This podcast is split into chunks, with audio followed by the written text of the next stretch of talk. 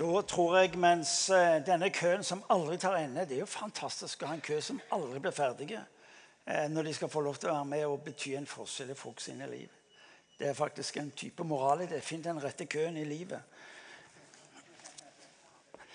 Eh, hvis noen lurte på om vi hadde glemt noen unger, så har vi ikke det, altså.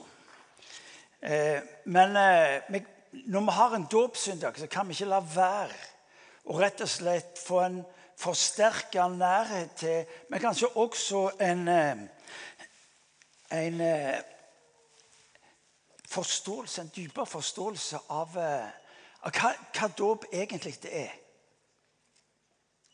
For mange som blir dåp det de, ja, det skjer i kirka. Det er noe de såkalt religiøse gjør, og så er det en del av en forståelse av at er du kristelig, ja, så skal du døpes. Eh, men det som jeg eh, opplever i mitt eget liv, og som har blitt så viktig også skulle formidle til andre, at det du ser skje i dåpen, er egentlig det mest fenomenale et menneske kan bli utsatt for. Eh, det er, en virkelighet som er knytta til såkalte enkelte, så enkle elementer som ikke gir mening fordi vi er så vant med å se det vi ser, til det vi ser. Mens når Bibelen tar oss inn i sin virkelighetsforståelse, så blir altså dåp noe langt mer enn at et barn går under vann og kommer opp igjen. Dåp er den sterkeste demonstrasjonen på en Gud som handler med mennesket. Og når du og meg får tak i hva dåp er Ja, men sier du ja, men barn skjønner jo ikke så mye av det som skjer. Nei, det er ikke så farlig fordi Gud skjønner. Det er det første du må få tak i. Ja, men barna har ikke stand, barna har ikke reflektert. barna har ikke på et vis funnet fram til hva som er det rette. Ja, det er ikke poenget heller. Poenget er at Gud er den som bøyer seg ned og tar imot. Dåp er ikke primært hva jeg gjør, men hva jeg får lov til å ta imot. Og kanskje enda viktigere bli tatt imot. Dåp er altså i sitt innhold å skulle bli tatt imot av Gud den allmektige. Når vi i dåpsliturgien, som dere hørte, sier noe om at Gud gjør de til sine barn Vi leser den allmektige Gud har nå gjort deg til sitt barn og tatt deg inn i sin troende menighet. Må Han fylle deg med sin hellige ånd og styrke deg til et liv som Jesu Kristi disippel. Hva er det som skjer i dåp? Det er noe langt mer enn navn. Det er noe langt mer eh, enn en hyggelig seremoni. Det er en bekjennelse fra Gud om at jeg tar bolig i ditt liv med min ånd.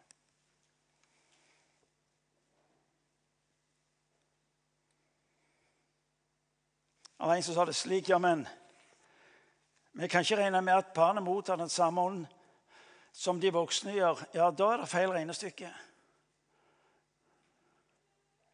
Når barna våre mottar Den hellige ånd, så er det ikke en miniutgave. Men det er Guds rike i sin totale karakter som gjør at det barnet skal få lov til å regne med å se framover og vite at Gud handler. Det er en parallell til dette i paktstegnet som du møter i Gamle testamentet, 1. Mosebok kapittel 17, hvor det står at alle guttebarn skal altså omskjæres. Det kalles for paktstegn. Det betyr at gutten ville hver enda dag vite at det skjedde noe med meg på den åttende dagen som alltid uløselig knytter meg til Gud. Når barnet døpes, så skal barnet få lov til å se tilbake og vite at det er noe jeg er kobla opp til. Jeg må bare gjøre én ting. Det er symbolsk. Men skal de kunne tenne de lysene hvert år på denne dagen, så må de ha noe å brenne i. Men ser du det? Når ditt og mitt liv blir kronglete og vi ikke får det til når bekjennelsen er taus, og vi kjenner langt der inne at jeg vet ikke om jeg har oversikten på livet, så skal jeg få lov til å se tilbake det Skal jeg vite, vet du hva? Der gjorde Gud noe med meg. Det er evangeliet, folkens. Kjære Gud. Gud handler i dåpen. Folk spør men mener du at det er frelse. Ja, det er klart jeg gjør det. Dåp er ikke symbol. Dåp er uttrykk for en Gud som handler, og som lover og skal fortsette å handle. Så lenge du og meg får lov, så lenge barna våre får lov til å være på denne kloden. Derfor blir dåp for meg noe sånn ja, Det er lett å ta store, men litt sånn type gigantisk. For det demonstrerer at Gud spør ikke etter hva du kan, men kan jeg få lov til å være Gud i livet ditt? Hva vil det si å være en kristen? Det lar Gud få lov til å være Gud i livet ditt. Ja, Men det kan alle gjøre. Jeg rår ikke med alt jeg skal gjøre og alt jeg ikke skal gjøre. Han tar ikke utgangspunkt i det. Han tar utgangspunkt kan jeg få lov til å være Gud i livet ditt. Barna har ikke regnestykket. Du kan slutte med dine òg. Og bli tatt imot. Og bli tatt imot. En gang til. Barna skjønner ikke mye, men Gud gjør. Gud vet hva han gjør. Og La meg være ærlig med deg. Jeg er 66 år. Noe av det som hjelper meg til fortsatt å være en Jesus-etterfølger, det er nettopp troen på det han gjorde med mitt liv i dåpen. Det holder i dag, og det skal holde helt fram. Amen. Ja. Men, men med vet, Det som på et vis har blitt en vane for oss, blir litt en sånn type selvfølgelighet for oss. Men det er jo gigantisk det Gud egentlig retter og rekker oss inn i. Dåp tar oss inn i type to dimensjoner. Det ene er å bli connecta. Bli etablert. Dåp er fellesskap. Dåp er relasjon. Dåp er dette ubegripelige Gud, den allmektige, bøyer seg ned og sier jeg har ett mål med ditt liv. Det at du skal få lov til å leve sammen med meg for på den måten å bety en forskjell. Det er det ene dåpen sier. Fellesskap. Eh, Gud, han er det som handler i ditt liv. Men det sier også en ting til. Som vi kanskje i vår tid ikke i den grad vil ha så mye oppe. Men det sier også noe om menneskets fortapthet. Det er et faktum at det er fremdeles ikke noen mennesker på denne kloden som har overlevd livet. Er dere med meg? Ingen. Bibelen sier at død er en konsekvens av synd. Og så står det til og med at mennesket slår en gang å dø, og deretter dom. Du og vi skal slippe å minne hverandre og holde det høyt oppe. For du og vi skal få lov til å bli minnet på hva Gud gjør. Og samtidig så sier dåpen noe om menneskets fortapthet. Det er jo naivt å skulle si jeg vil ikke høre om det, eller jeg vil ikke bli konfrontert med det. fordi jeg vil, heller tenke på det som er behagelig. Hvis du ikke tar konsekvensen av også det der alvoret, vet du hva, så vil du heller ikke manøvrere i livet på en slik måte at det hjelper deg til å nå målet som Gud har for ditt liv. Dåpen sier to ting. Relasjon. Komme hjem. Vite at Guds løfter på ditt liv, som de er nedfelt i denne Bibelen, gjelder ditt liv. Hvert enda ett av dem. Dåpen gir mening når dåpen ses i relasjon til det som står i Bibelen, når Gud taler til deg om deg, og det han vil være i ditt liv. menneskets fortapthet, sa jeg. Gud berger, Gud frelser, Gud redder. Og så skal Kirka altså få lov til å være sånn en sagt, redningsteam. Hvorfor, hvorfor kirke? Jo, fordi Gud ønsker å synliggjøre at han elsker.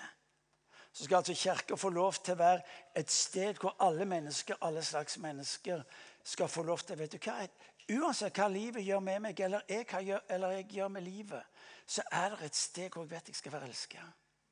Uansett, samme søren, hva livet gjorde med meg.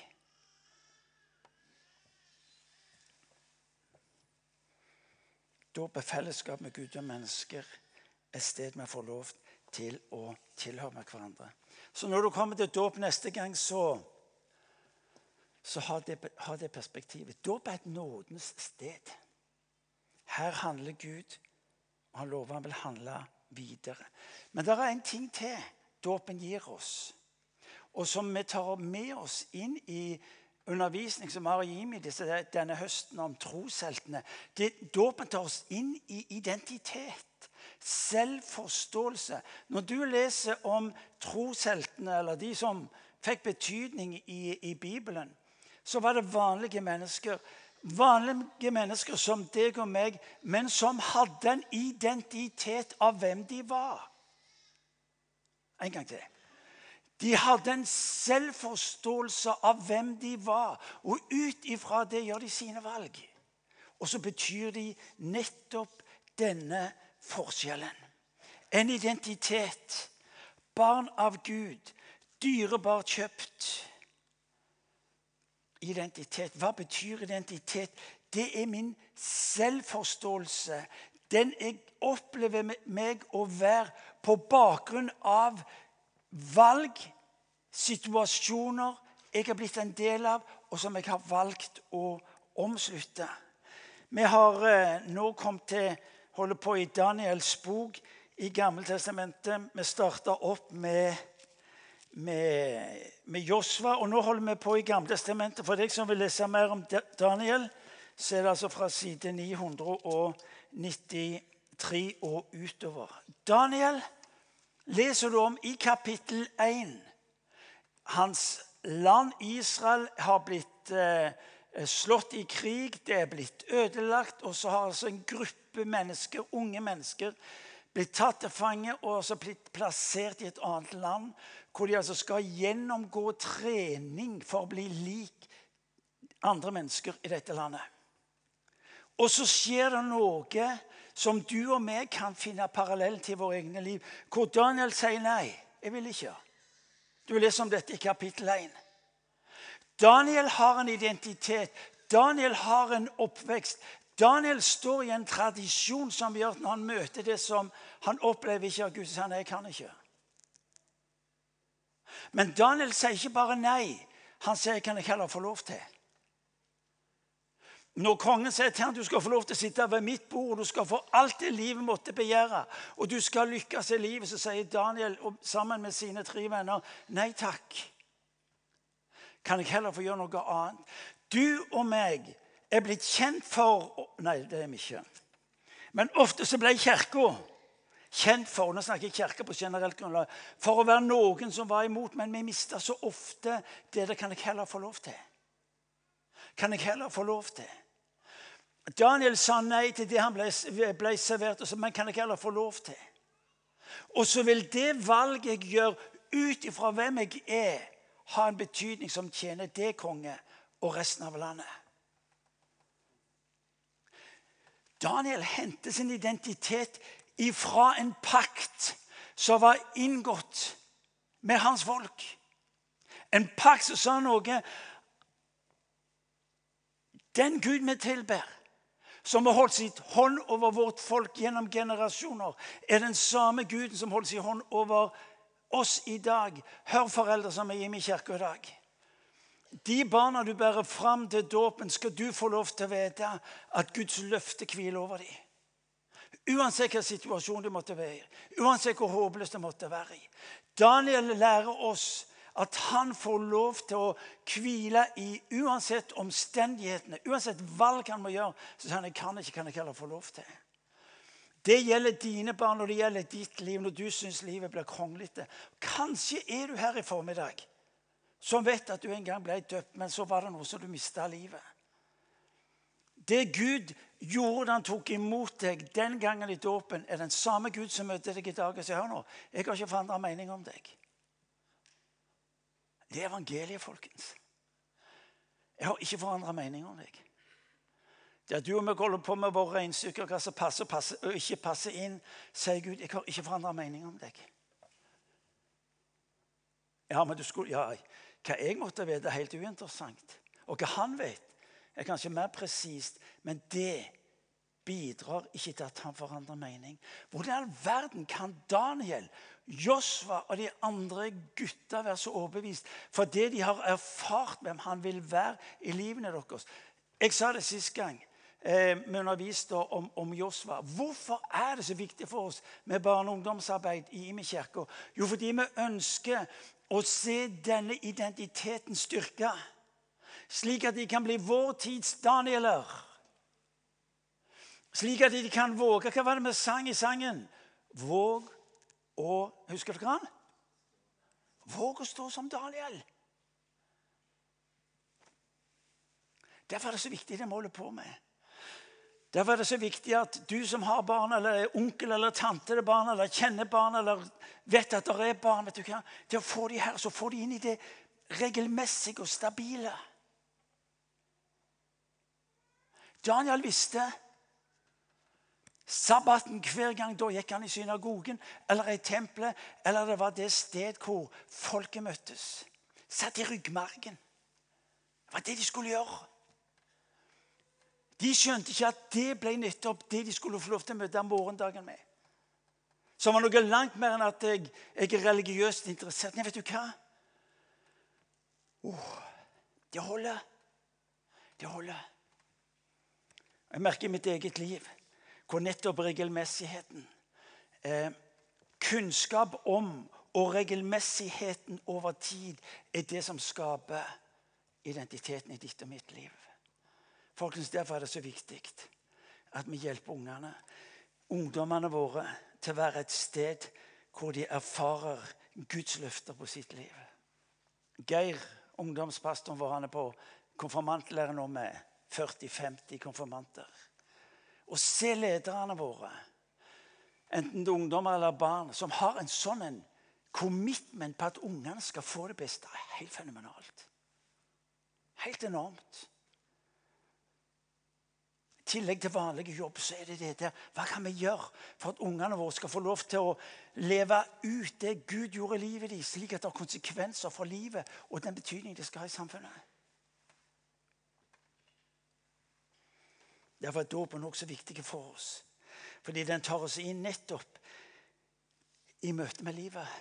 Ikke bare som en religiøs for noe symbol, men for oss som tror at i dåpen handler å frelse Gud. Det var en ferie, nei, ikke ferie, men det var en serie på fjernsynet for en tid tilbake. Eh, X-Files, husker dere den? Ja, Noen av dere så den. Litt sånn scary og så videre. Men et av utsagnene der var du tror det ikke før du ser det. Husker dere det? Du tror det ikke før du ser det. Mange mennesker sier men hør nå, jeg tror ikke på det som skjer her før jeg ser det. Ja, Men i Guds rike er det annerledes. For du får ikke se det her før du tror det. Det du får se, følger av troen. Og den som øser av et Guds eh, nedslag, handling i ditt liv, er de som vil se det, erfare det, handle på det. Og det var det Josva, det var det Daniel gjorde. Daniel lærte for å leve. Og så utvikler han seg som en Jehova, Javé-etterfølger. For senere har betydning i livet. To ting skal vi si kort. For jeg har bevisst valgt å legge dåpen inn i dette. Eh, to korte ting når det gjelder Daniel. Vi leser om Daniel sak på side 292. Men la oss gå inn i det som er tekstavsnittet denne uka. Det er fra kapittel 4 til kapittel 8. Daniel er altså Han tjener noe av det verste du kan tenke deg som konge eller tyrann. De lederne de gjorde akkurat som det passet seg, og de, de eh, tok livet av mennesker. De styrte på en så rå måte at frykten var nøkkelen til at de skulle beholde makta. Under dette eh, tyranniet er det altså at Daniel og hans venner lever. Men i den settingen hvor de altså har gjort et valg Vi vil følge Jesus uansett. Vi følger Gud uansett, fordi vi tror han velsigner oss det vi trenger til uansett. Og så oppstår det situasjonen, og hva gjør de? De byr på seg sjøl. De byr på seg sjøl med det de har mottatt fra Gud. Det står om eh, Daniel i kapittel 1 i Daniels bok at han hadde visdom som var ti ganger sterkere enn de andre. Hvor hadde han den ifra? Jo, fordi han hadde lært å henge med sin Gud. Han hadde lært å bli værende i den tradisjonen som hadde rulla gjennom livet hans gjennom mange år. Og når det oppsto behov i eh, lederskapet i landet eller i landet, så ble det etter hvert eh, Daniel de ropte på. Vet du hva? Jeg ser fram til den dagen hvor eh, statsministeren og kongen spør vi må, vi må, vi må be kirka om råd. Fordi vi skjønner ikke det som skjer. Hvorfor i all verden spør de ikke Kirka? Når historien av de vi nå berører, var jo nettopp røster inn i et sitt liv. Det kan være det kan være at vi har blitt tause på det Gud har gitt oss av utgangspunkt og et ståsted. Jeg går tilbake igjen og jeg gjentar. Daniel hadde en identitet eh, i en forståelse av hvem han var. Og når de så møtte de umulige situasjonene, så visste de at de sto i en tradisjon. De sto i en sammenheng hvor Gud den allmektige hadde sagt Holder dere dere til meg, har dere alt det dere trenger til. Og det samme ordet lyder over deg og meg òg. Så står det noe utrolig nydelig om Daniel. Eh, han blir kasta i eh, løvehula fordi at han kapittel 6, fordi han nekter å bøye seg for kongen. Å gå med Gud hør folkens, betyr ikke nødvendigvis at alt blir lett. Å gå med Gud betyr ikke nødvendigvis at nå, nå er det sånn medgang, nedoverbakke, sol osv. Og, og langt ifra. Svært mange kan si i det øyeblikket jeg bekjente troen på Jesus og ville gå med han, var det mye krevende som skjedde. Når så kravet fra kongen var at folket skulle avsverge seg tro, så sier Daniel det kan jeg ikke. Og så lyder det fra Daniel når han blir berga. Så kongen sier til han at du skal kastes i løvehulen. Eh, så sier Daniel nei. For min Gud sier Daniel, sendte sin engel og lukket løvenes skap, så de ikke skadet meg. Daniel har en klar bekjennelse. han. Uansett hvor han er, uansett hva situasjon han er oppe i, så har han en bekjennelse på min Gud er den som handler. Det er det du og meg inviteres til å se forsterka i disse dager, nemlig identitet.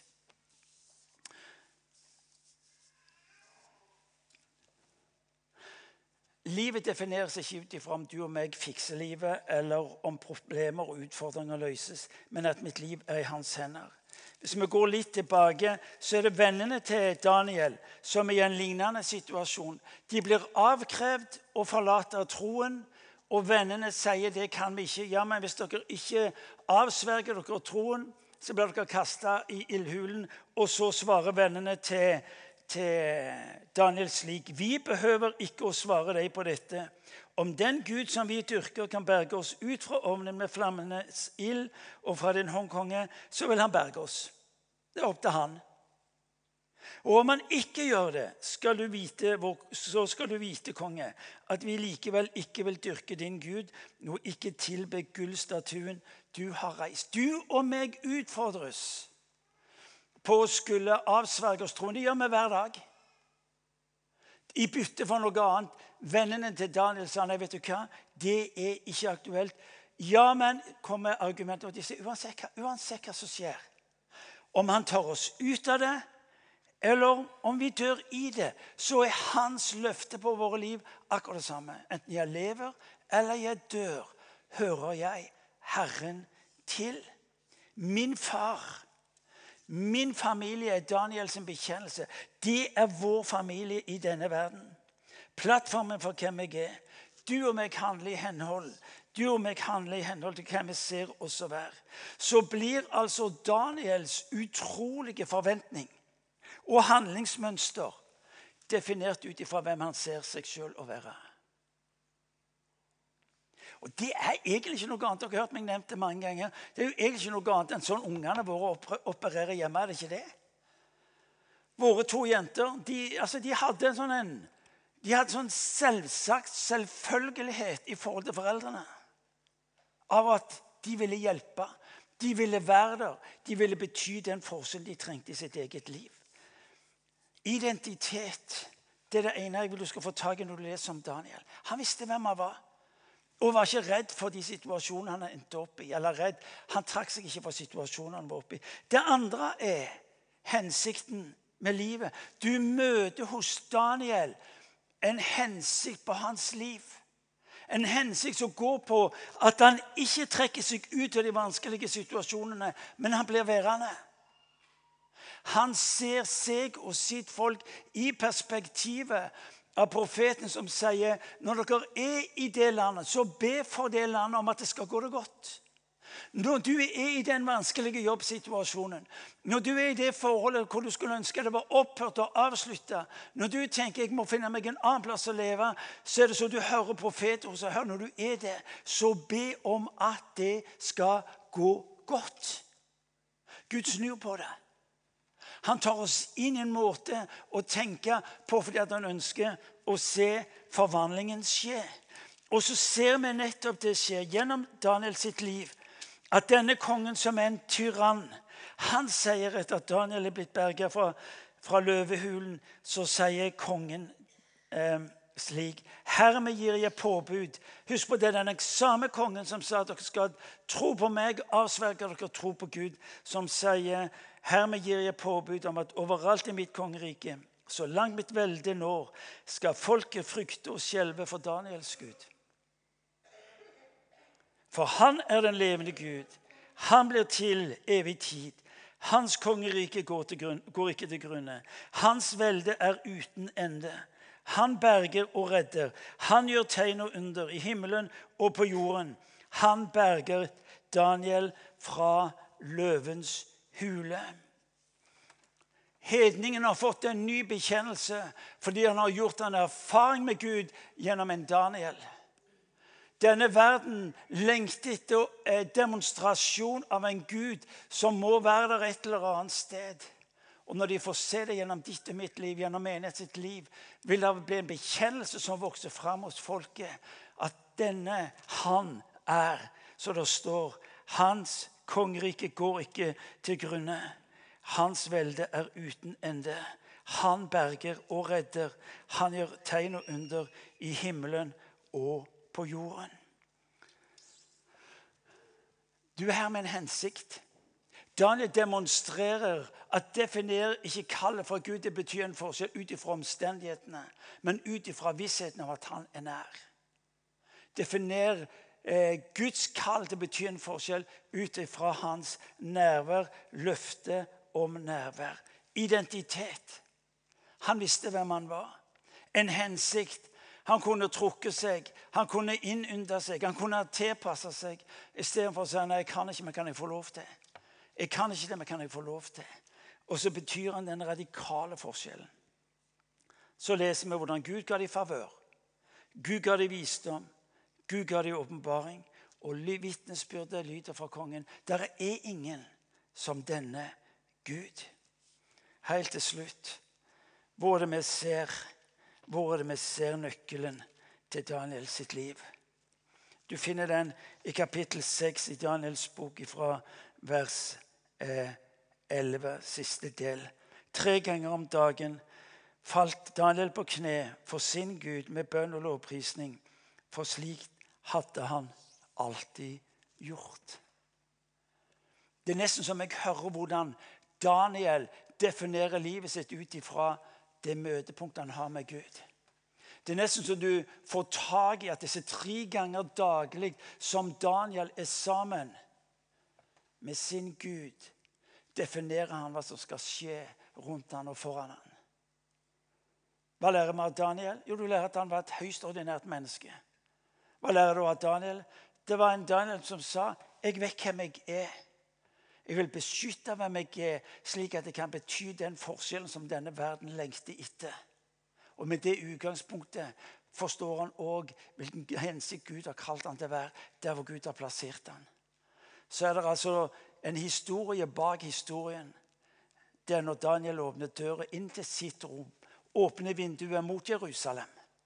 Og så tilber han, står der, Gud og lovpriser han. Gjør det, folkens.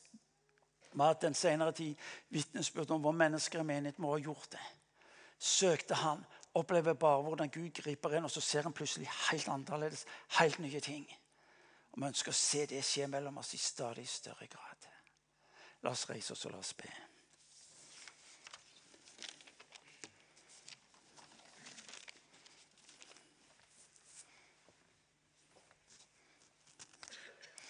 Spørsmålet er kanskje litt banalt, men det er likevel relevant. Vet du hvem du er?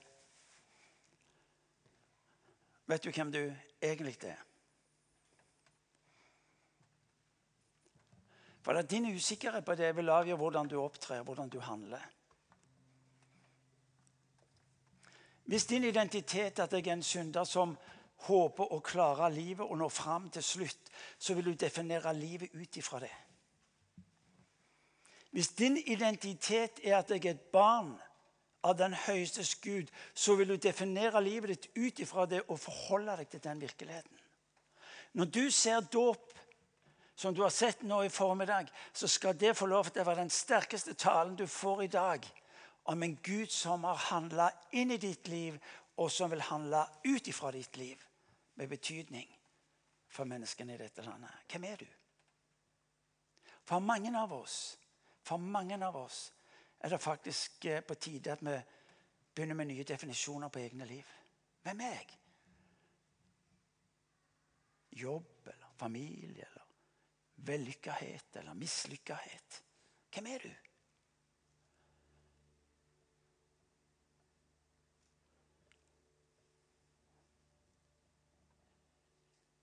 Hvis Guds ord på deg lyder 'Du er min sønn, du er min datter', som er det du hører, så vil du oppdage at livet ditt blir annerledes. For utgangspunktet blir ikke det jeg har av såkalte naturlige forutsetninger. Men utgangspunktet blir det og den han vil være i ditt og mitt liv. Hvem er du? Hvem er du? Jeg vet ikke hvordan, du vil definere det, men Guds ord på deg er du er min sønn. Du min datter. Med det utgangspunktet så skal du og vi få lov til å se Gud har kalt oss å bety denne forskjellen. Som en Daniel.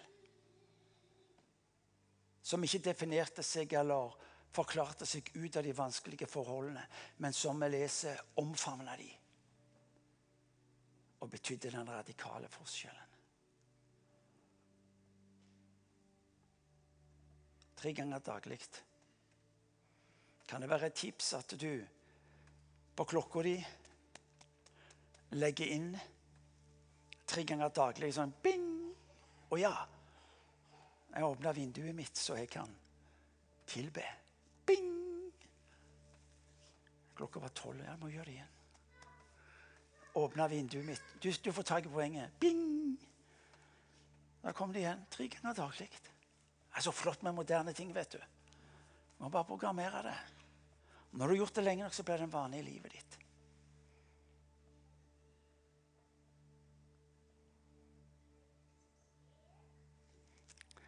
La oss be. Kjære Herre Jesus Kristus, takk fordi du kommer til oss som den som elsker. Far, takk for at du lar din godhet gå foran deg, og den berører våre liv. For at du kjenner oss som i dette rommet. Far, du, du, du kjenner ordene vi bruker på oss sjøl. Du ser bildene vi har om oss sjøl. Far, du ser hvor lett vi parkerer Herre Jesus i Og så vet du hva det er, Herre. Far, du kjenner oss. Men nå ber jeg for om at du skal gi oss å lære av det vi har vært sammen om denne formiddagen. At når du handler med oss, enten gjennom dåp eller gjennom at vi fikk lov til å ta imot deg som frelser i voksen alder, eller hva tid det var så har du aldri trukket deg tilbake fra det du gjør og handler inn i våre liv. Far, så ber jeg om at du skal la oss få lære av en Daniel, dette ordinære mennesket, men som hadde lært hvem han var, og med det utgangspunktet handla. Far, jeg ber for den enkelte av oss som Herren. La oss få lov til å se din favør på våre liv. La oss få lov til å se din visdom, Herre. Fordi vi hadde ingen andre steder å hente det fra enn hos deg. Far, vi ber om å få se at vi lykkes Lykkes i forhold til hverandre. Lykkes i forhold til jobben. Lykkes i forhold til våre ulike virksomheter. Slik at det kan bli et vitnesbyrd, Gud, om at du er Gud, og det fins ingen annen enn deg. Herre, vi tilber deg om å opphøye ditt hellige navn. Amen.